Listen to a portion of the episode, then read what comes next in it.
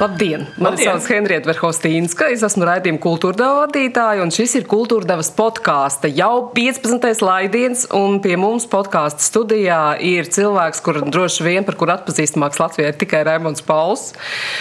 Un tas ir komponists, mūziķis, eh, dzinieks, prāta vētras solists, fonda viegli valdes loceklis un vēl ar daudziem dažādiem tituliem apveltītais Renārs Kaupers. Sveika, Renārs! Sveika, Henrieta! Vai tu, visiem! vai tu piekrīti par to Oh, atpazīstamību, par to, ka par tevi pazīstamāks droši vien tikai Rēmons Pauls Latvijā?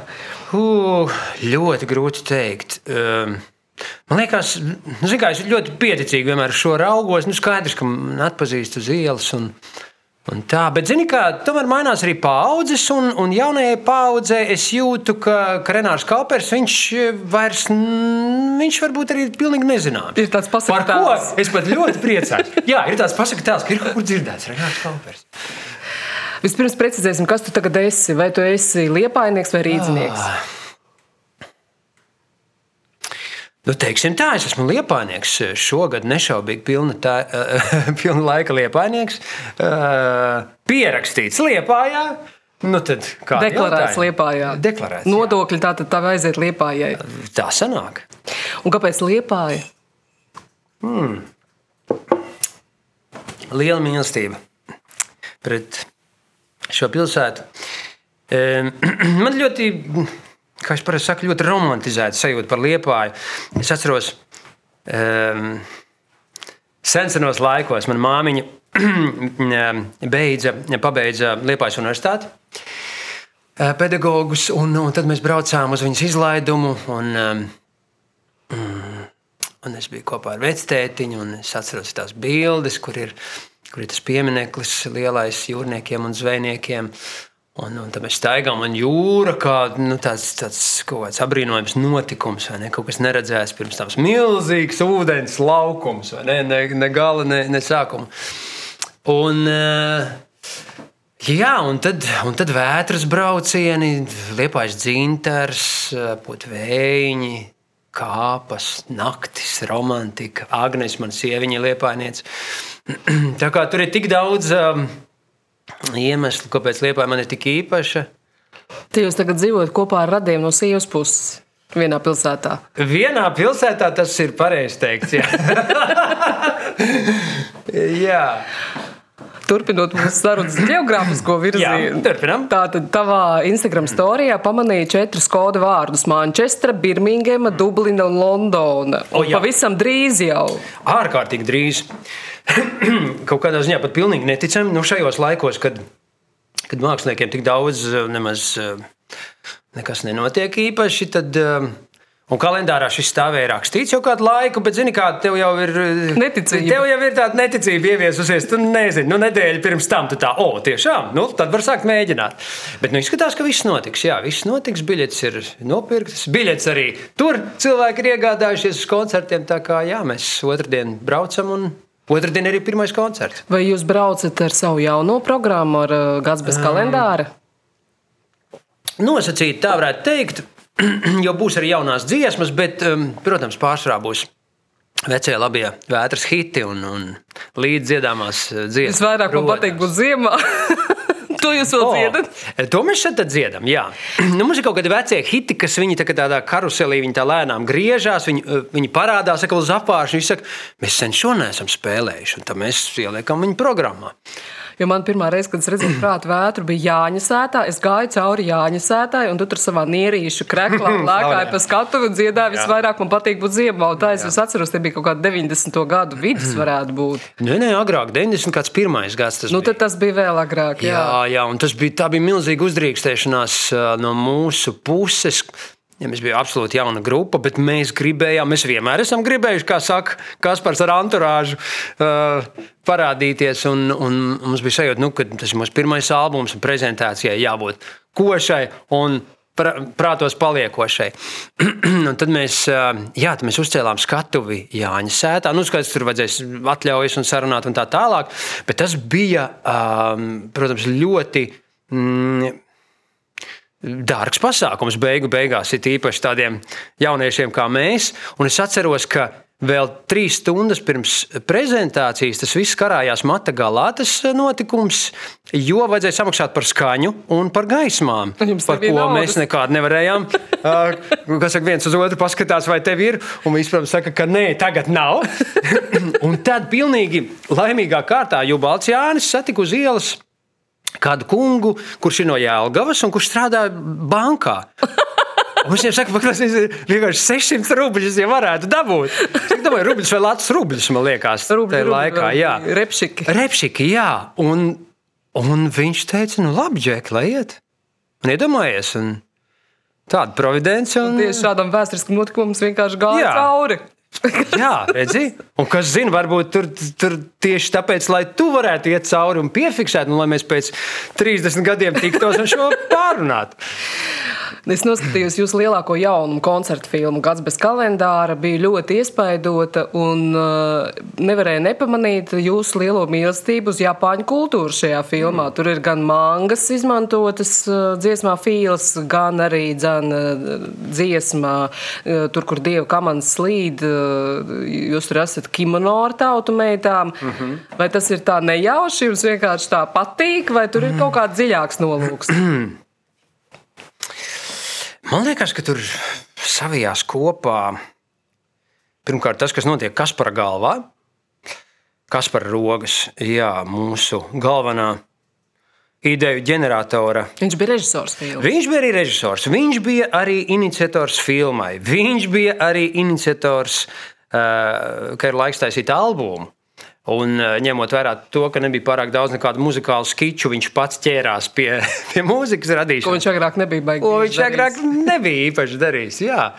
Bet kas viņam tādā labā sazobē ar mūsu zviedru producentu Povelu ļoti labi, manuprāt, izdevās. Jā, nu un tad, tad eh, koncerta filma un, un šis japāniskais, ko tu pieminēji. Uh, nu, sākās viss ar to filmu video klipu, ka Kaspars kaut kā, kaut kā viņš uzreiz nāca klajā ar ziņu, ka nu, šo vajadzētu mangas stilā uztaisīt tādu japānisku, tā kā japāņu multenis. Varbūt tāpēc, ka Kasparam Leo un Lēja ir tajā vecumā, kad viņi daudz skatās, Skatās šādas animē. jā, filmiņas. Un, um, nu tā, un mēs, mēs, kā saka, devām savu piekrišanu. Tad bija viss tas stāsts ar Fīls, ļoti, ļoti tāds ilgs un pamatīgs, uh, darbietilpīgs process. Jā, astoņus mēnešus to klipiņu taisīja. Un tad pēc Fīls viņš kaut kā ļoti jau tā dabīgi, kaut kā tādā japāniskajā, austrumnieciskajā krāsainībā, un kaut, kā- kaut kur muzikāli arī parādās varbūt kaut kas Tur ir tāds savādāks kontrasts, jo tā dziesma jau īstenībā ir ļoti latviska. Tas gan, tas gan, jā, viņa ir. Um, Es piekrītu. Nu, tur tāds world music vislabākajā izpausmē, vai ne? Visu kontinentu, kā saka, šķērsgriezumā paņem. Jā, tā ir taisnība. Tā ir taisnība. Tur ir kaut kas, kaut kāds um, tāds. Um, kaut kas tāds, kas man patiesībā patīk. Ka, nu, nevienmēr tas, ko tu redzi, vai tas, ko tu dzirdi, tieši tā tam ir jābūt ilustrētam. Nu, viņš jau tieši interesantāk, ka viņš nāk ar kaut kādu citu pilnīgu kultūru tajā vizuālajā. Un, un skaidrs, ka pēc 30 gadiem mums ir interesanti uh, paeksperimentēt ar, ar, ar šādiem tēliem. Tur ir arī vēl viens tēls, kas uh, mani ļoti uzrunāja. Tā bija meitene, kas ienāca uz zirgu un viņai noslīdēja maska. un Tad es domāju, ka tur jūs droši vien esat ielikuši visu, ko domājat par pandēmiju šajā tēlā. Nu, nešaubīgi, jā. Nešaubīgi, ka pandēmijas moments eh, varbūt tiešām šai meitenei izpaužas vispilgtāk. Eh, Koncerta filmas un albuma nosaukums Gads bez kalendāra. Skaidrs, ka kaut kam bija jāsimbolizē gan šis nosaukums, gan šis laiks. Uh, Un, un bija pat viens laiks, kad uh, Kaspars bija tā kā video reklāmas iesācis ar šo, ar šo meitenes skatu, kur viņa ir ar masku. Bet kaut kā sarunās mēs jutām, ka nu, nu, kaut kā ir par daudz jau šī tēma, kad uh, jā, viņai tur ir jāparādās, bet nu, ne, mums nevajadzētu viņu tik ļoti akcentēt. jā, un um, Jo galu galā šo albumu cerams klausīsies arī tad, kad pandēmija jau būs tutū. nu, tā ļoti gribētos cerēt. gan klausīsies, gan nāks uz koncertiem. Jā. Žilde, Jānis Žilde recenzijā par jūsu albumu un arī koncertu filmu raksta, ka koncertu filmā tā skaņa ir daudz plašāka nekā albumā Spotify. Tu droši vien izlasīji šo viņa recenziju. Es lasīju, jā. Ir. Mm -hmm. Vai tu tam vari piekrist? Absolūti. Absolūti caur un caur. Un tas ir arī, ko mēs savā starpā esam runājuši. Piemēram, ar Ingūru mums ir tāda ļoti laba sadarbība izveidojusies. Mm, par ko arī Jānis piemina, mums ir uh, apvienība Mūmu, muzikālais muskulis. jā, un, uh, jā, tas ir tieši tas, ko mēs runājam, ka tās pašas dieva komandas skan daudz jaudīgāk koncertu filmā, jo tur ir dzīvās bungas, mēs esam kopā. Savukārt, uh, albums tika ierakstīts attālināti, un ļoti daudz kas tika aizvietots kaut kādu elektroniku. Mm. Un, uh, līdz ar to nu, šis tīras enerģijas iztrūkums ir ļoti jūtams. Varbūt jums vajadzēja izdot albumu balstoties koncertu filmā. Tā arī ir ļoti laba eh, doma. Vēl jau vairāk, kad skaidrs, ka eh, šī koncerta filma arī ļoti editēta, pucēta un tā tālāk. Viņa jau nav gluži tā, kā mēs ierakstījām, tā viņa parādīja. Tur viss vasarā ņēmās gan par mūziku, gan par, eh, gan par vizuālo. Jā, es tev piekrītu, tā būtu arī ļoti laba doma. Tas būtu tā ļoti Pīters Gabrieliskis. Vai ne? Jā. Man liekas, ka šajā filmā ļoti var just to, ka jūs esat izauguši arī kā aktieri. Tas mm. bija tā kā saudabīgi man bija to noskatīties, jo es sapratu, ka jūs to darat otro, trešo, piekto, desmito reizi. Jā. Bet uh, sanāca ļoti labi. Man liekas, ka skatītājiem ir arī jāatgādina un klausītājiem, ka jūs dziedat un uzstājaties šajā filmā patiešo. Tas nav nodublēts. Mm -hmm, Tāpēc mm -hmm. tā arī ir koncerta filma. Tā ir koncerta filma, jā, jā, tā ir taisnība. Jums tur ir, Paldies ievērojams, tev. jums tur ir ievērojams draugu pulks, un uh, tostarp arī aktieris Aleksandrs Petrovs no, no Krievijas, kur es nesen nesen izlasīju ziņu. Nevis nesen, bet vakar, ka viņš jā. filmēsies Netflix seriālā. Krievijas, Krievijas Netflix seriālā. Jā. Prieks par Sašu. Jā. Jā. Viņa Sašas lielākais sapnis ir tikt pie Oskara. ko mēs viņam tiekoties vienmēr vēlam un atgādinām. Nu, pirmo soli viņš ir spēris. Viņš ir spēris. Viņš, viņš vairākās jau internacionālās filmās ir filmējies. Jā, un, un protams, Krievijā viņš ir liela zvaigzne. Interesanti, kā notika mūsu satikšanās. Mm, tas bija vienā pasākumā. Mm, arī mūsu labs draugs eh, Miša Kozarevs uh, izdomāja, ka varētu būt priekšnesums, kurā piedalās slavenais Nazarē, kurā piedalās oriģinālais Nazarē dziedātājs.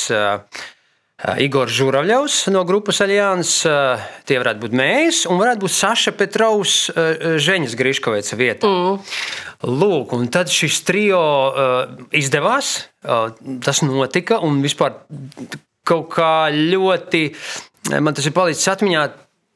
Tas brīdis, kad mēs Faktiski, kad, kad Igors un Saša uzkāpa uz skatuves, zāle pazuda. Vienkārši bija ekrānu jūra, visi izvilka telefonus. Nu, kaut kas tur bija maģisks gaisā tajā brīdī, kad mēs, nu, kad mēs satikāmies skatuves, kad mēs nodziedājām Nazarē šādā versijā.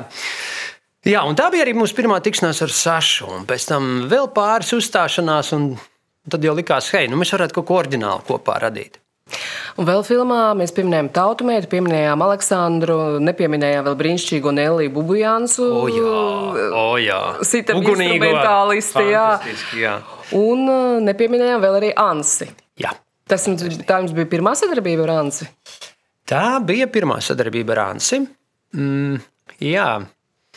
Un, uh, cik interesanti tas um, tapšanas, albuma tapšanas laiks beig beigās bija tik ilgs, ka es pamanīju, Tad tas sākās ar to, ka es uzrunāju Ansi, vai viņš būtu ar mieru piedalīties Vētras albumā. Un kamēr Ansis domāja, un, uh, un, un pat domāja, nu, kādā veidā um, šajā dziesmā tā forši integrēties, uh, Es jau pamanīju, piedalīties viņa albumā, kas man, jo viņš teica, hei, tā kā mēs taisām šo, tad izdarām varbūt tā. Man ir viena dziesma, kur viņš kā dodas pie kādas latviešu pop mākslinieces ar domu, ka varētu sadarboties, un viņa viņu tā, maigi sakot, atšoja. Un, un tad viņš tāds skumīgs, kā saka, lifta brauc lejā. Un tajā brīdī zvana telefons, un viņš saka, un tas būs tu, kurš saka, hei, mēs varētu kaut ko satikties un kaut ko kopā izdomāt. Nu tā, tā kā es piedalījos lielajā mākslā, par ko man liels prieks, jo mans ir baigais malecis, protams. Kāds visumā tev un grupai bija šis gads bez kalendāra? Kas jums bija tādi lielākie pieturspunkti? lielākie pieturas punkti. nu, man liekas, tas arī bija šis, šis albums. Kurš... Jums iznāca grāmata. Ah, taisnība. Jā. Jums Paldies, iznāca grāmata, un, uh, un uh, arī grāmata man patīkami pārsteidza, jo man tā nelikās laķēta, nelikās glancēta. Tā man likās diezgan godīga. Protams, ka jūs dozējat uh, savu atklātību, tas jau ir normāli, bet tā man likās ļoti atklāts pieaugšanas stāsts, ko varētu lasīt arī cilvēki, kuri kuri varbūt par prātu vērtu neko daudz nezina, jo tas ir tāds četru vīriešu pieaugšanas stāsts. Mm -hmm. Tas ir labi definēts, jā. Tā es piekrītu, jā, es piekrītu, jo, jo arī šīs sarunas grāmatā, kā tu pareizi saki, mēs, protams, dozējam savu atklātību, bet tik un tā. Tu pamazām tomēr kaut ko vēl cārā, gan no, gan no atmiņām, gan no kaut kādām savām sajūtām, varbūt tādām īstākām sajūtām. Uh, Un tā, un, un tā ir gana jā, šajā.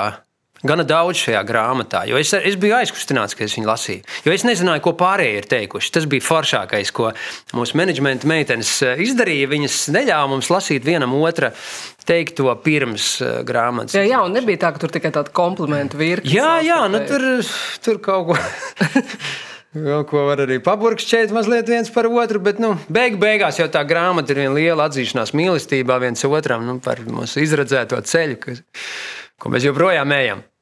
Vai tu izbaudīji attālinātā laika vecāku uh, to brīnišķīgo priekšrocību, attālinātās mācības, uh, zūms, skola, kas notiek mazajā ekrānā? Jo tev Ārons ir vēl skolas vecums. Jā, Ārons iet, tad viņš gāja trešajā klasītē, tagad ceturtajā.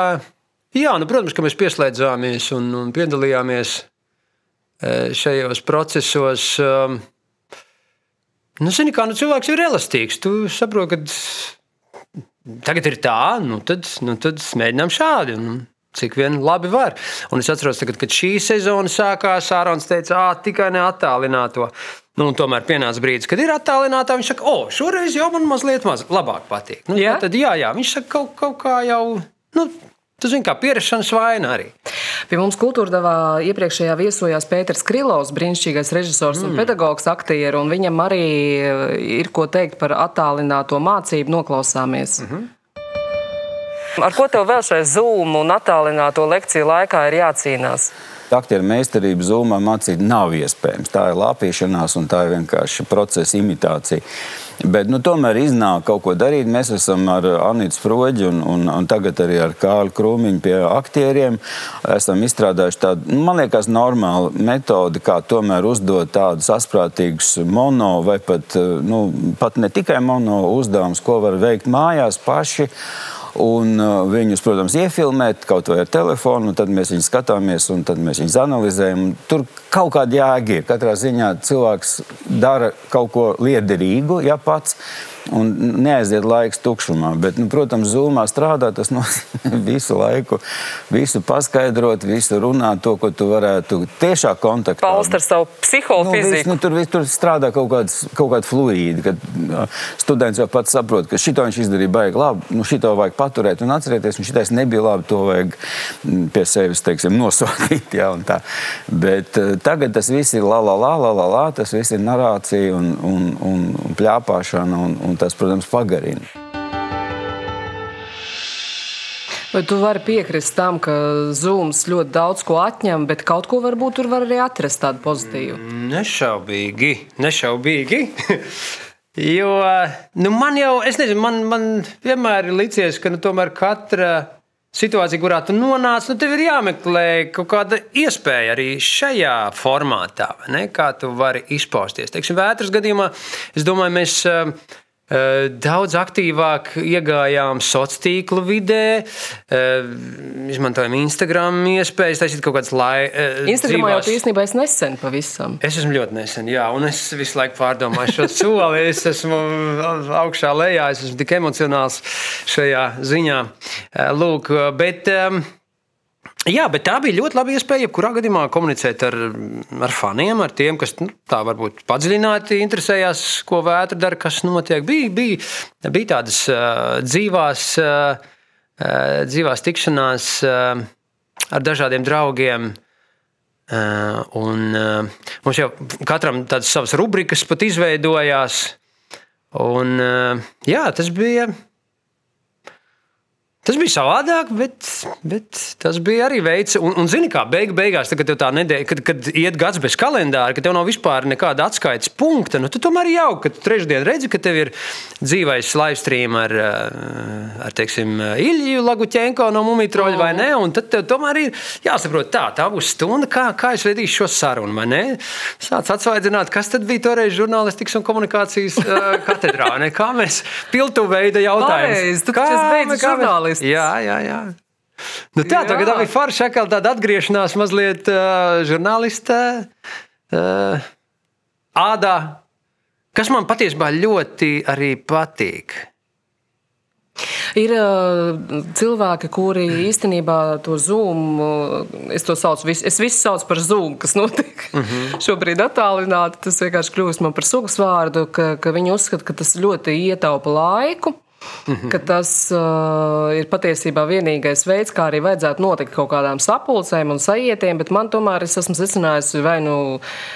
Vai nu vienkārši es vēl neesmu tik ļoti gadžets cilvēks kā mani bērni, kaut gan arī bērni nav sajūsmā par attālinātajām mācībām. Mm -hmm. Bet man tomēr prasās pēc dzīvā kontakta, un arī mēs pārcēlām mūsu podkāstu ierakstu, lai varētu satikties dzīvē. Jo Jā. tas tomēr ir kaut kā redzēt tevi un skatīties, kāds smaidi ir kaut kā daudz foršāk nekā kaut kādā sašķobītā ekrānā ar mehāniski izkropļotu balsi. Nu, tā vismaz man Es tev šķiet. pilnīgi piekrītu. Un, zini, par ko es domāju? Es domāju, vai tas ir. uh, Jā, nu, tur redz, pieminēja arī tās paudzes, vai ne? Ka bērniem varbūt viņiem arī prasās dzīvā tikšanās, vai tas ir ārā bumbu uzsist, vai tomēr satikt draugu. Pat ja viņi game, viņiem ir svarīgi būt blakām. Un, jā, nešaubīgi. Nu, es domāju, ka kaut kāds. Um, Izkristalizēsies beig beigās kaut kāds tāds uh, zelta vidusceļš, ka ļoti daudz ko mēs uh, tiešām ekrānos atrisināsim. Un patiešām reizēm, nu, kaut vai Liepā ir Rīga, vai ne? Man, mm. man braukt uz Rīgu uh, 20 minūšu sarunas dēļ. Kuru mēs tiešām varam izrunāt, teiksim, zūmā, vai ne? Mm. Bet ir gadījumi, kad tev ir jābūt, un tu saproti, ka tas ir forši. Uh, Tas, tas būtu pilnīgi cita ene- enerģija būs tajā sarunā. Tu esi tik nesarājami saistīts ar mūzikas lauku, ka ir pilnīgi neiespējami iedomāties, tev darām kaut ko citu. Bet uh, vismaz teātrī ir tā, ka ik pa laikam kāds aktieris apsver nopietni, ka viņš iet prom no teātra. Mēs zinām, ka Arthurs Krastīņš, Jālgaunieks, Jā. tavs arī bērnības draugs, uh, viņš apsvēra iespēju mācīties par ārstu un aiziet prom no teātra. Un arī tavs biznesa kolēģis, biznesa partneris. Dainis Grūbi man par lielu nožēlu ir prom no Dāvidas teātra un tagad Jā. Kopā ar tevi šiverē pa pienu. Un, uh, un vai tev kādreiz ir bijusi tāda doma, bet varbūt ir vēl kaut kas vēl bez tā, ko es daru? Nu, labā ziņa ir tāda, ka redz, tev jau ik pa brīdim kaut ko piedāvā, kas ir radniecīgs tam, ko tu dari. Nu, tas tāpat tās ir skatuves uh, estētikā. Tas viss notiek. Nu, vai, tas, vai tā ir teātris izrāde ar šveiku? Fantastiska pieredze, vai ne? 130 izrādes dailē. Nu, tāda izredzētība ar, ar Spanovsku, ar Gundaru Āboliņu, nu, ar, ar metriem vai ne kopā. Un, un piedzīvot visu to teātris, dzīvi, eh, kafejnīcu vai ne vakaros, un, un tā tālāk ar džili spēlēt šāhu. Un, Kurš eh, vinēja? Džīlis, nu, tur nav Protams. variantu. Pie kā viņš mums deva parasti pat divu, divas figūras priekšā. Viņš jau ir, uh, man liekas, viņš ir me, meistars jā, jā, tādā jau profesionālā ziņā. Lūk, vai arī, vai arī tā, pieņemsim, ir kāda, kāda filma, vai ne? Vai, ja paldies Jānim Streičam par pirmo uzaicinājumu, toreiz mm, vecās pagastmājas mistērijas. Tā bija kolosāla pieredze. Kad mēs vasarā nodzīvojām Siguldā, un, un tie vēl bija laiki, kad filmas tomēr filmēja tādā vienā monolītā piegājienā, ne, kas sabrauc aktieri Un režisors, kopā veselām dzīvoja kopā nedēļām. Viesnīcā, mēs dzīvojam Siguldā, Senlējā, un e, e, man bija viens numuriņš ar Andriu Bērziņu. Un tas bija, protams, tas bija Izaicinājums. Tas bija izaicinājums. Mēs ar Andriu ļoti draudzīgi sadzīvojām. Viņš man sauc par sīko vienmēr. Un, un, un parasti mēs, mēs redzējām viens otru nākam. Vai ejam. Un, un, un es teiksim, no rīta dodos filmēšanās, Andris no kaut kurienes atgriežas. Viņš tikai mazliet saka, atlaidīšos. Un tad es aizbraucu, tad viņš arī ierodās, un tad es atpakaļ, un tad Andris vēl nav, un tad es jau dodos. Nu, tas, tas bija jauki. Naktsargs un veļas mazgātāji. Kaut kas tāds, un īrši, jo mums numuriņā dzīvo īrši. Vannas istabā. Jā, naktsargs, veļas mazgātāji un īrši. Tāds bija mūsu stāsts. Citreiz tā nodarbošanās, jā, viņi tiek pamainīti pat no sevis. Es atcerējos, ka žurnālā Rīgas laiks bija intervija ar Anģelo Vermēlenu. Tas tāds biologs, zinātnieks. Viņš sešus gadus savu mūžu veltīja, lai pētītu trīsuļodu kāpuru zobus. Mm. Sešus gadus viņš tur bija izpētījis, ka tā deformācija šiem kāpuriem zobu, zobos nozīmē uz zināmu piesārņojumu līmeni vidē, un tad viņš tā ar ekoloģijas tēmu to bija sasaistījis. Un es domāju, cilvēks, kurš sešus gadus nodarbojas ar trīsuļotu kāpuru zobiem, tad viņš uzstājas kādā uh, formā ar lekciju par to, un viņam pienāk klāt uh, Eiropas kosmosa aģentūras viens profesors. Uh mhm. -huh. Un saka, vai jūs negribat sadarboties? Un tad mhm. -huh. viņš uh, jau nokļūst Marsa simulācijas programmā, kur viņš nodarbojas ar dzīvības, pētnie, dzīvības pielāgošanās pētniecību kosmosā un, uh -huh. un, uh, un, un kļūst par kosmosa pētnieku. Un tad viņš kļūst arī par mākslinieku, kaut ko līdzīgu, kā mūsu Rais, Rait, Raitis un Rasa Šmiti dara. Uh -huh. Rikstā par tādu. Tā kā no viens, viens pie otra aizved, vai ne? Jā, jā, jā. Tu nekad nezini, kā tie mezgliņi, kā viņi ir sasieti kādā diedziņā, kur tas ved, vai ne? Kā Steve Jobs stāstīja, ka tad, kad viņš um, universitātē nepārāk bija interesēts lekcijās, viņš aizgāja uz daļrakstīšanas kursiem. Kaligrāfijas. Kaligrāfijas, jā. Un, nu, kā viņš varēja iedomāties, ka tas vēlāk viņam noderēs um, Apple. Taisot skaistos Apple burtiņus, un kā viņš jau pieminēja, pēc tam Windows no mums nočiep, un beigās visā pasaulē ir ļoti forši un gaumīgi burtiņi datoros. Jā, Jā un tas ir. Jā, Tad tu esi ļāvies. Tu neesi, tev nav bijusi tāda skarbā doma, ka tu tagad kļūsi par uh, skolotāju sākuma skolā vai par doktoru. Nē, nē, tik radikāls man nav sajūtas. Nē, es, kā jau mēs jā, pieminējām, kaut, kaut kas tas viss ir atniecīgs. Viņš tepat blakus kaut kur, kaut kur notiek. Varbūt tāds, tāds uh, gājiens uz pienu man ir mazliet negaidītāks, ne? Bet tas arī man liekas, hei, tas ir baigi interesants izaicinājums. Vai arī vētrai, kam, kam pieder mītavas alus eh, zīmols, vai ne? Tas arī ļoti tāds kaut, kaut kas neraksturīgs, bet, bet tur tu arī noķer tādu ļoti radošu noti par to visu domāt, kā to visu reklamēt, kā, kā, kā to pasniegt. Kā... Jā, jums ir brainstorm arī par to? Protams. Nu, tas nav tā, ka jūs esat uzticējuši kādam vienam mārketinga cilvēkam to visu. Un... Nē, nē, tas notiek tādā ļoti ciešā tādā sazobē ar cēsālu. Un, un tad mums ir mārketinga kampaņas sapulce, un tad mēs apspriežamies, kā varētu taisīt nākamo mītaunieku klipu, kur mēs varētu. Jā, vai tā būs kuģa pūšana, vai tas būs meitu linga, vai, vai mēs lidosim uh, gaisa balonā. Un, uh, Jā. Kāpēc es tev tik ļoti uzsēdos par to nodarbošanos mājiņu? Nevis tāpēc, ka es to novēlētu, bet tāpēc, ka grāmatā meklēt vienam otru, par kur mēs runājām, prātā vētras grāmatā, sadaļā aicinājums, tu stāsti par savu nepatiku pret skatu uz publisko pusi arī pret intervijām un šoviem, kas to apvīja, gan arī par bailēm no skatuves kā tādas. Un tu atzīsties šādi, ka sirdī vienmēr esmu vēlējies stāvēt pašā tālākajā orķestra maliņā un divas reizes simfonijas laikā ieskandināt zvaniņu. Jā, tas ir mans lielais sapnis. Es iedomājos, un tas ir tik forši. Tev nav tādas atbildības. Tev tagad nav jāiziet 60 cilvēku, 60 tūkstoši cilvēku priekšā. Jā, hei, labvakar, draugi, kā jūs jūtaties? Šogad, prāt, vētriem spēlēs. Jo, teiksim, vētras kontekstā vienmēr ir muzicēšana ir viena lieta, bet šī komunicēšana, kas beigu beigās ir gandrīz puse no uzvaras. Nu, viņa gulstās faktiski uz taviem pleciem, un it īpaši sākumā tas ir tik satraucoši nu, tev kaut ko teikt. Un, nu, es sevi vienmēr jūtu kā. Ne, pat nejūtu, es esmu, es esmu kautrīgs cilvēks. Arī tagad mums sarunā es satraucos. nu, ar katru minūti atbrīvojies un forši un ļaujies tam, tam domu plūdumam un stāstam, bet uh, viņš, viņš, viņa nav tāda hei, hei, pārliecība no rīta līdz vakaram. Viņš jā, ir tāds - ieslēdz podziņu un aiziet. Jā, jā. Nu, nu skaidrs, kā pa, pa, pa gadiem tev arī jau mazliet saka, tā, tā drošības. Uh, Uh, kā mēs to varētu nosaukt, drošības apvalciņš. Viņš tev ir nu, tāds stingrāks, kļuvis, un tu jau apmēram zini, kā, kā uzvesties tādos vai tādos gadījumos. Bet, bet ir forši būt kaut kur maliņā. Un, un, bet, es domāju, dzīve tāpēc ir brīnišķīga, ka viņa ir tik pretrunīga. Un, Jā, un tieši tos kautrīgos reizēm izbīda priekšā. Ko tu varētu ieteikt varbūt pavisam jauniem cilvēkiem, kuri redz sevi uz skatuves, viņi iztēlojas sevi uz skatuves, viņiem varbūt pat ir talants un dotības, bet viņiem ir šīs bailes, šis lampu drudzis, šis milzīgā nedrošība. Es domāju, sākt pa solītam.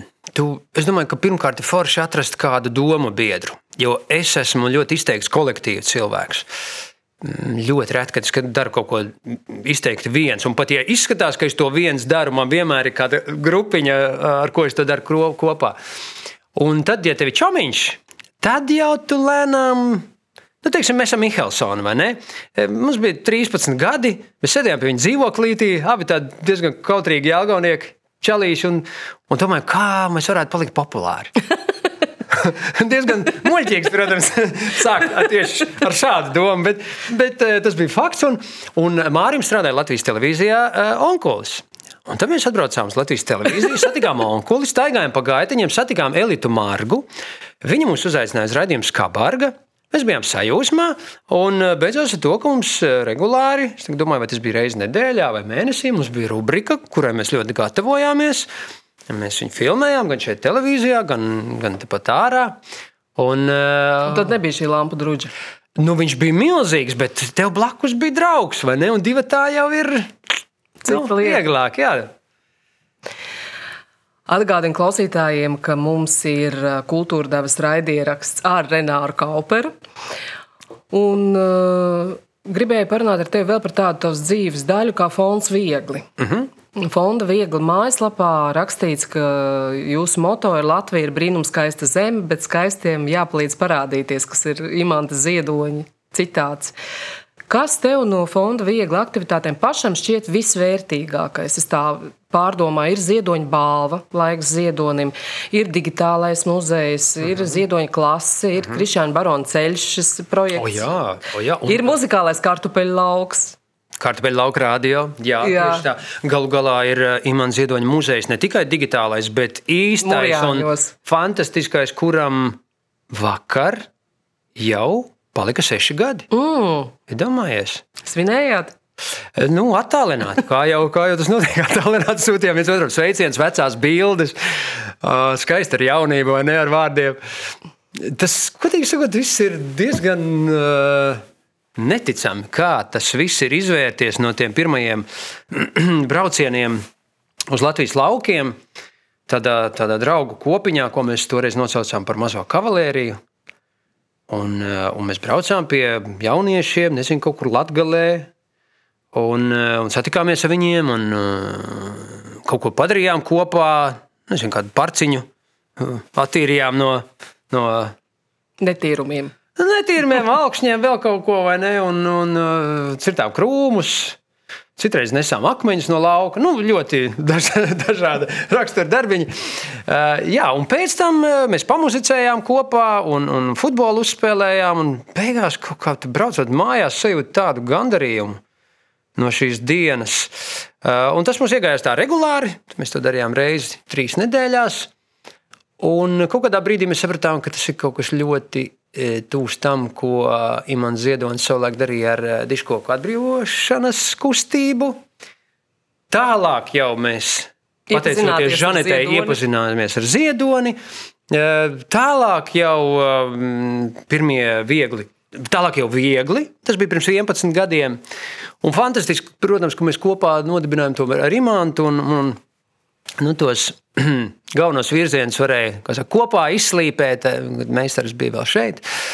Lūk, un, eh, jā, un tā radās fonds viegli. Fonds viegli savukārt viens no mērķiem bija mm, Imants Ziedoņa muzejs, kas arī izdevās. Izdevās sakopt murjāņus. Jā, un, un izdevās visus šos asniņus eh, radīt, un, un šobrīd jau pieskatīt, kā viņi skaisti aug, ziedoņa klase, kartupeļa lauka radio. Un ir vēl projekti un idejas jaunas. Kā... Un man liekas, arī kopā uzstājoties ar fondu viegli biedriem, tu realizē to tā savu mazā zvaniņu sajūtu. Ne? Absolūti. Jā, tieši tā. Un, un es, jāsaka, es arī vētrāju teicu, ka es kopā ar viegli noķēru vēlreiz tādu grupas dzimšanas brīdi, nu, kad viņi tā sajūta ir tik tīra, vai ne? Kā Ziedonis saka, tur galotnēs ir brīvība tik smalka, un viņi tā kā noķēra. Un, un, un šeit tas viss radās un top, un ziedoņa šķūnītī mēs rakstām pirmo albumu. Un, uh, kas tajā brīdī mums, nu, savā ziņā diezgan jau populāriem pop māksliniekiem, un ne tikai, jo tur arī tas paradoks, ka viegli mēs esam tāds ļoti dažādi profesiju variņš, kur tomēr visi sajiet uz skatuvi beigu beigās, un, un tad visi kopā performē. Nu, lūk, un, Jā, un tas viss viens ved pie otra, pie nākamā, un, un zīmes rāda. Un, un, un, kā saka, providences atbalsts liecina, ka jā, nu, tas ir vērts to darīt, tas ir forši, tas gūst atbalstu, tas cilvēks iedvesmo. Pēc tam tik daudz foršu atsauksmi, gan pēc koncertiem, gan, gan pēc muzeja apmeklējuma.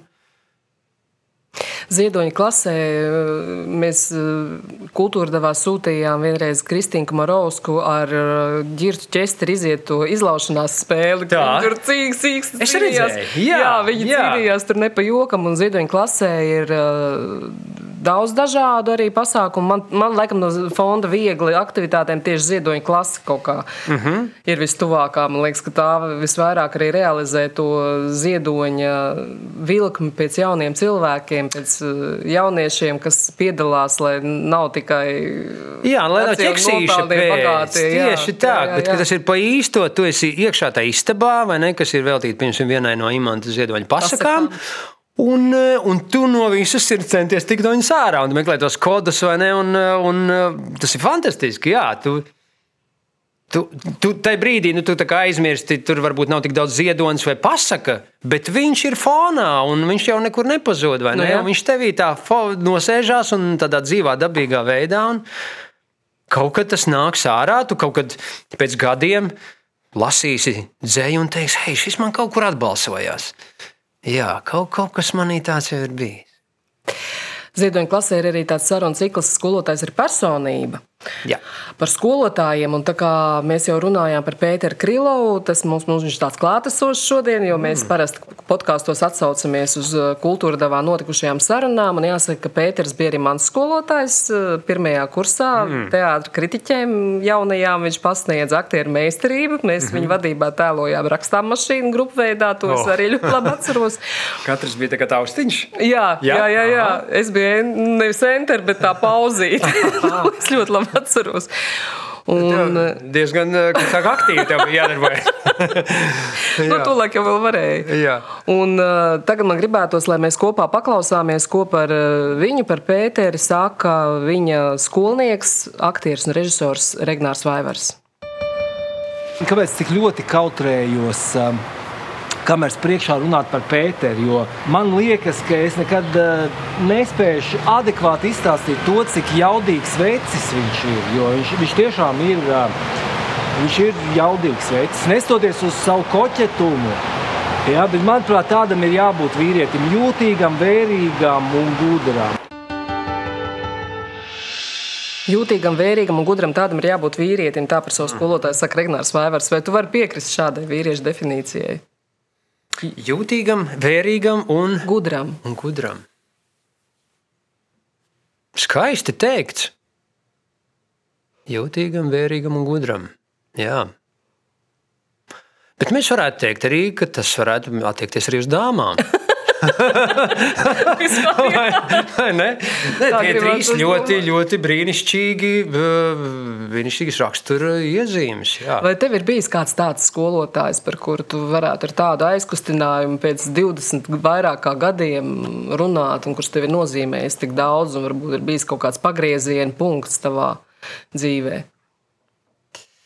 Absolūti noteikti, bet es tagad domāju, šo skolotāju ir tik daudz. Es domāju, sākot no bērnu dārza, es atceros Zigrīdas audzinātāju un Solveigas audzinātāju. Zigrīdas audzinātāja bija stingrā, un Solveigas audzinātāja bija, uh, bija tāda Labā. labā jā, mīlīgā, kas ļāva šo, ļāva to. Un paskat, cik labi, vai ne? Šie, šie labais un sliktais policists vienkops, cik, cik uh, rada labu sajūtu, ka tu mācies respektu. Bet tu jūti, ka arī dzīve ir liela mīlestība. Un, un tāpat sko, skolā, protams, sākot no manas pirmās skolotājas, Valentīnas Bauras. Mm, un tik daudz skolotājām. Mm, un arī skolotājiem. Jā, skolā, ko mēs, ko mēs jau kā prāta vētra piedzīvojām, un, protams, mums kā varbūt patsmitniekiem, eh, protams, pret eh, viņiem bija respekts un mazliet bailes un, un tāda eh, ļoti distancēta sajūta skolnieku skolotāji, bet cik fēni, ka gadiem ejot, mēs jau kļūstam, mēs tuvojamies vienaudžu vecumam, vai ne? Jo, jo gadiem ejot, tās desmit gadus viņas pazūd. Lūk, un, jā, un arī universitātē man ir bijuši brīnišķīgi pasniedzēji, un, un ļoti daudz arī man, manu dzīves ceļu ir pamainījuši. Piemēram, Jānis Šepkevičs, kas nāca mums universitātē pasniegt uh, mediju mācību, es pieļauju tieši specifiski par radio. Un, un Jānis man uzaicināja uz SVH strādāt, un, un tas bija milzīgs pagrieziens manā dzīvē. Un, un tā, tā atkal mēs gliņš pie mēs gliņa un viens ved pie otra. Tu zini, es, es pieļauju tā, ka šī intervija beigsies, es vēl braukšu mājās, un vakarā domāšu, un es domāšu, kāpēc es nepieminēju. Kāpēc nepieminēju šo skolotāju? Šo skolotāju. Jā. Vai tu pats esi jūties kādam tāds skolotājs? Vai esi bijis, varbūt, vai varbūt jūsu grupa? E, tu zini, nu, vienmēr. Skolotājs nezinu, varbūt, varbūt ir kāds iedvesmas stariņš, ko mēs esam metuši. Jo vienmēr nu, tik neticami ir dzirdēt um, no dažām krievu meitenēm, kuras saka, ka pateicoties prāta vētrai, viņas ir nolēmušas iemācīties latviešu valodu. Tas liekas, tiešām viņi saka, jā, un, un viņi jau tālāk runā latviešu, vai ne? Liekas, kā Krievijas, jā, Krievijas, Krievijas meitenes. Uh. Un, eh, un es zinu vairākus šādus gadījumus. Un liekas, wow, ka tu spēj tik ļoti kaut kā uzrunāt cilvēku, ka viņš ieinteresējas ne tikai par tevi, bet par tavu, eh, par tavu valsti, par tavu kultūru, par tavu valodu. Un viņš saka, hei, es gribu, jā, interesanti, es gribētu iemācīties. Nu, tas ir, man liekas, e, Jā, tas ir vareni.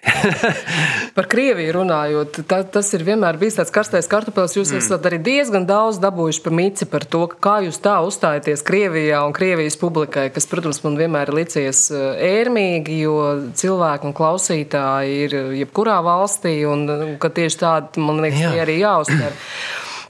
Šobrīd eh, Latvijā nerims diskusijas par to, kādā valodā uzrunāt vietējos krievvalodīgos, piemēram, vakcinācijas procesā vai, piemēram, tagad valsts svētkos. Mm -hmm. Varbūt es piefiksēju, ka Rīgas doma ir ļoti dabūjusi pamīci par savu valsts svētku kampaņu, kura ir arī krievu valodā. Kā tu uz to raugies? Um, jā, labs jautājums. Nu, es domāju, jāsaprot, kas ir mērķis teiksim, vakcinēšanās gadījumā. Ja mēs gribam patiešām uzrunāt to cilvēku, nu, tad tu viņu mēģini uzrunāt tik tieši vai tik personīgi, cik vien tas ir iespējams. Un, protams, ka krievalodīgam cilvēkam tā ir krievu valoda. Līdzīgi, ja mēs dzīvotu citā valstī un, un, un mūs mēģinātu par kaut ko, nu, par kaut kādu ļoti svarīgu tēmu uzrunāt. Nu, skaidrs, ka manā valodā mani uzrunājot, tas būs viss, uh, visprecīzākais trāpījums. Bet uh, nu, jā, reizēm, reizēm mm, politiskie valstiskie lēmumi viņi ir. Viņi nav tik vienkārši. jā. Jo valsts valoda mums ir viena, un tā ir latviešu valoda, un to mēs esam visi pieņēmuši. Bet jautājums ir tiešām par to, kā aizsniegties līdz cilvēkiem. Jā, nu tur es saku, kāds ir, kāds ir mērķis. Jo tas nešaubīgi ir absolūti pareizi, jā, ka Latvijā ir latviešu valoda. Galvenā un, un primārā Bet mēs zinām arī, ka tā nav vienīgā. Bet mēs zinām arī, ka tā nav vienīgā. Jā, jā absolūti. Mēs taču priecājamies par Ukraiņu skolām vai par, vai par uh, citās valodās runājošajiem ne, bērniņiem, kuriem iet savā skolā specifiski. Tas jau fēni, ka viņi var savā kultūrā un savā valodā izglītoties. Jā. Podkāstā pa kluso Laurai Grēviņai tu teici, ka es iemācījos tādu diplomātisko komunikāciju par šiem oh, gadiem. Es arī es šajā brīdī viņai, viņai diezgan ieslēgta. ka nu, neteikt neko tādu ne, nepatīkamu, pielāgoties drusku varbūt sarunbiedram. Jā, bet zin kā. Nu, es saku, nu, šie politiskie jautājumi vienmēr ir tik. Um, Ar, ar koks ar diviem galiem, vai ne? Kad tev Tu tā, saproti cilvēcīgo pusi, tu saproti arī valstisko pusi, tu zini vēsturisko pusi. Un skaidrs, ka ir, katram ir ļoti specifiska personīga sajūta par, par notikumiem, kas ir šobrīd, par nacionālām attiecībām un tā tālāk. Un, eh, jā, tās ir tādas ļoti jūtīgas tēmas. Nu, katrā ziņā, tava latviešu pašcieņa cieš tādā brīdī, kad uh, tev ir kāds jāuzrunā krieviski vietējais, krievulodīgais? Tu zini, es teiktu, ka nē, jo uh, es no bērnības es runāju krievu valodā. Mums sētā bija. Uh, mums tā bija tāda dzīve. Mēs gājām ārā, un, uh, un tur bija teiksim, divi latviešu puikas un astoņi krievu puikas. Mēs runājām lielākoties krieviski. Un mans ieguvums ir tas, ka es zinu šo valodu, ka es labi tajā varu sarunāties, un, un tā ir mana bagātība savā ziņā. Jā, protams, es saprotu, ka ir latviešu valoda, mums, mēs neesam tik daudz, mums ir jānosargā sava, sava identitāte vai sava valoda, un uh, par to ir jācīnās. Runājot katru dienu, vai ne? Un, un, uh, jā, bet, nu, teiksim, vētras kontekstā, kā jau minēju, reizēm ir jauki, ka tu pat vari tā uzrunāt krievu klausītāju, ka viņš saka, hei, es gribētu iemācīties latviešu. Un tas ir labākais, ko mēs varam darīt, nu, darot savu lietu. Man te ir izrakstīts tāds citāts no kādas tavas intervijas, kas man ļoti uzrunāja. Mēs citam esam skolotāji. Līdzjūtīgos skolo ne gan tie, bet ne gan tos līdzjūtīgie. Mm. Man izjūta ir, ka visam ir vieta šajā pasaulē, lai cik nepareizi tas reizēm izskatītos. Vai tu joprojām esi šāda? Jā, nu tas ir. Tas ir eh, lielās kosmiskās kārtības eh, atvasinājums manā, manā sajūtā, ka mēs mežā visi esam dažādi. Ir plēsīgi lāči, lūši un, un visādi lieli zvēri, no kuriem mums visiem mazajiem vāverēniem un, un, un sasurīšiem ir bail, vai ne? Bet nu, viņi ir šai mežā un kaut kā mums ir jāiemācās sadzīvot. Skaidrs, ka mēs lielākoties pa savām takām un tā, bet varbūt reizēm sanāk satikties un tad ko bēgt vai, vai, vai aci pret aci vai ne. Un, Man šis citāts tieši iekrita šobrīd, šajā situācijā, kad mēs esam ļoti, kā mēs zinām, ļoti sašķēlušies un iet tāds mazais kariņš ar vakcinētiem un nevakcinētajiem, kas, kas dažkārt pārsniedz, man liekas, jebkādu ne tikai gaumas, bet arī cilvēcības robežu. Turklāt, jāsaka, no abām pusēm. Mm -hmm. un, un, un tad kā? Kā, kā uzvesties šajā laikā? Kā šajā laikā uzvesties? Jā, tas ir tāds jautājums. Tas ir interesanti. Es godīgi sakot, šos čašanos tik ļoti neizjūtu. Skaidrs, ka es varbūt dzīvoju kaut kādā savā burbulī. Nē, esmu tik daudz soci, soci, sociālajos tīklos. Lielākoties es klausos Latvijas Rādio 1, un tad tur, kur es izjūtu šo, šo varbūt tādu sašķeltību vai viedokļu dažādību, ir eh, krustpunktā ir eh, brīvais mikrofons. jā, tas ir viens amizants, tā ir amizants laiks. Jā. Attraktīva pusstunda vai stunda. Jā, jā, bet. Uh, Nu, interesanti. Nu, redz, nu, mēs jau tomēr ejam uz to, ka katram būt savs viedoklis, savs redzējums, un tad ir mūsu kopīgā sajūta, sabiedrības sajūta. Ne? Mēs ātrāk gribam tikt uz kājām, mēs ātrāk gribam atkal darīt, kā mēs mīlam darīt. Un mums, skatoties cilvēkiem, tas ir īpaši svarīgi. Nu, jā, un Nu, ko tu dari? Nu, tu no savas puses dari, ko tu vari. Tu vakcinējies. Un, nu, kā man liekas, tas ir tik loģiski, ka uzticēties katrā situācijā vienkārši profesionāļiem. Nu, ja, ja teiksim, mēs ietu uz simfoniskās mūzikas koncertu, mēs gribētu, ka tur ir profesionāls diriģents un profesionāls orķestris. Viņi zina, ko viņi dara. Viņi spēlē fantastisko, nezinu, Rahmāņu trešo simfoniju ar vestāru priekšgalā. Un, un tāpat tagad mēs Nu, tikko tu parunā ar ārstu vai kādu epidemiologu, nu, tev ir skaidrs, ka tā situācija ir tik ļoti nu, nokaitēta un, un, un uh, mata galā karājās viss tā medicīnas sistēma, nu, kad nu, nu, tev kā cilvēkam maksimāli jādara, lai, lai tas neuzkārtos. Ne? Un, nu, tu no savas puses Tas, kas man neļauj pilnībā mesties šobrīd tādā aktuālajā nevakcinēto cilvēku nosodīšanā un tādā nu, pēršanā, ir tas, ka es saprotu, ka viņiem viņu argumenti ir tieši tikpat reāli kā tie, kurus tu nu pat pateici. Ka viņi jau to nedara, lai kādam iespītētu vai ierieptu, ka viņi dzīvo ar savu argumentāciju, kas eh, dažbrīd nav saprotama, dažbrīd varbūt pat kaut kādā niansē varbūt pat ir saprotama, un ka viņi to, tā ir realitāte. Tā viņiem ir tāda pati realitāte kā mums. Es tev absolūti piekrītu. Un vienā brīdī man pat ienāca prātā salīdzinājums līdzīgi kā ticīgie un neticīgie, vai ne? Cilvēki, kas iet baznīcā, un viņu dzīve ir pakārtota šim modelim. Viņi tic, nu, teiksim, kristietībā, vai ne? Viņi tic Bībelē, Jēzum, otrai atnākšanai Jēzus un tā tālāk, ka tas viss ir pakārtots šim. Un ir cilvēki, kas stāv uh, ārpus šī Un saka, kas tās par pasakiņām? Jā, ar ko tu nodarbojies? Nu, lūk, un, un mēs, mēs saprotam šos abus cilvēkus, vai ne? Šos abus cilvēku tipus. Nu, lūk, un, un šeit es redzu kaut ko ļoti līdzīgu. Tu pareizi saki, tur, tur ir vienkārši kaut kāda ļoti spēcīga sajūta. Un šoreiz, šorīt es lasīju mm, Žanetes tādu blogu, Žanetes Grendes. Un viņa ir sākusi apzvanīt pensionārus. Ir tāda iniciatīva, ka Ziedoņa fonds uh, zvana pensionāriem. Un, uh, pirmkārt, tā ir saruna jauka, un tā ar domu, kā jums sokās šai laikā, un tā tālāk, un, un izrunājās, un tad un šis vakcinācijas moments. Un tad uh, Žanete bija uzrakstījusi tos punktus, kāpēc cilvēki gados uh, nu, nedara. Teiksim, pie 90 viņi saka, es vispār nekur neju un nestaigāju, man tas nav vajadzīgs. Nākamie 80, 85 viņi saka, ka viņiem ir reāli bail, ka viņi var neizturēt šo, šo vakcīnu. Un tā tālāk, un tā tālāk. Nu, kādam ir savas teorijas, un tā tālāk.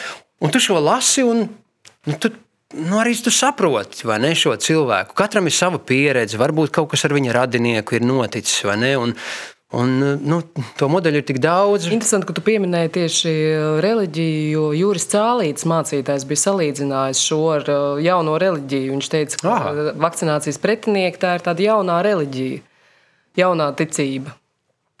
Jā. Jā, bet nu, redz, tas procents tāpatās. Šo, šorīt lasīju 75% jau, jau vismaz pirmo poti ir saņēmuši. Nu, es domāju, jā, ka cilvēki arī, ja viņi to neizdara savas veselības dēļ, tad tādēļ, lai beidzot tiktu vaļā no šiem ierobežojumiem. Jā, jā, jo man liekas, zini, kā teorijas vēl varēja eksistēt tajā laikā, kad eh, vakcīnas nebija vai tikko parādījās.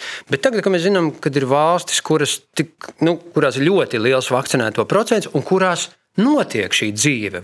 Nu, skaidrs arī ar kaut, kaut kādiem ierobežojumiem un maskām veikalos, bet, bet nu, viņa notiek un notiek koncerti. Mēs nākamā nedēļa esam šādā valstī un spēlējam koncertus. Tas liekas fantastiski. Te ir droši vien arī svarīgi šajā savstarpējā komunikācijā atcerēties tādu līdzcietības momentu un to empātijas momentu. Un šodien sarunā vairāk kārt pieminētais kultūrdevas viesis Pēters Krilovs šobrīd strādā pie dokumentālās filmas Hekabas jautājums. Mm. Hekaba ir varbūt atceries Hamletā tāds tēls Hamletā, kad pie viņa atbrauc aktieri. Viens no viņiem spēlē šo trojas valdnieku priemsiju Hekabi, un viņam sariež acīs asaras, un Hamlets ir tā pārņemts par šo viņa spēli, ka viņš saka, kas viņam Hekabi un kas viņš tai. Mm -hmm. nu, ir šāds empātijas līdzcietības moments, un uh, viena no galvenajiem varoņiem šajā filmā ir uh, Ilona Balode un Udrītis. Mm. Un uh, Pēters Krilovs ir uh, vēlāk paralēls arī ar to, ka Ilona ir aktrise un ka viņa kaut ko ir pārņēmusi arī no uh, aktieru metodas un paņēmieniem sadarbībā ar, ar, ar savu vīru smago slimību. Un es gribētu atskaņot tev fragment, ko par Ilonu saka Pēters. Tu arī teici pirms uh, raidījuma sākšanās, ka Ilona, proti, baloda, kas uh, dzīvo kopā ar Udrītu, ka viņa ir kā zvērs.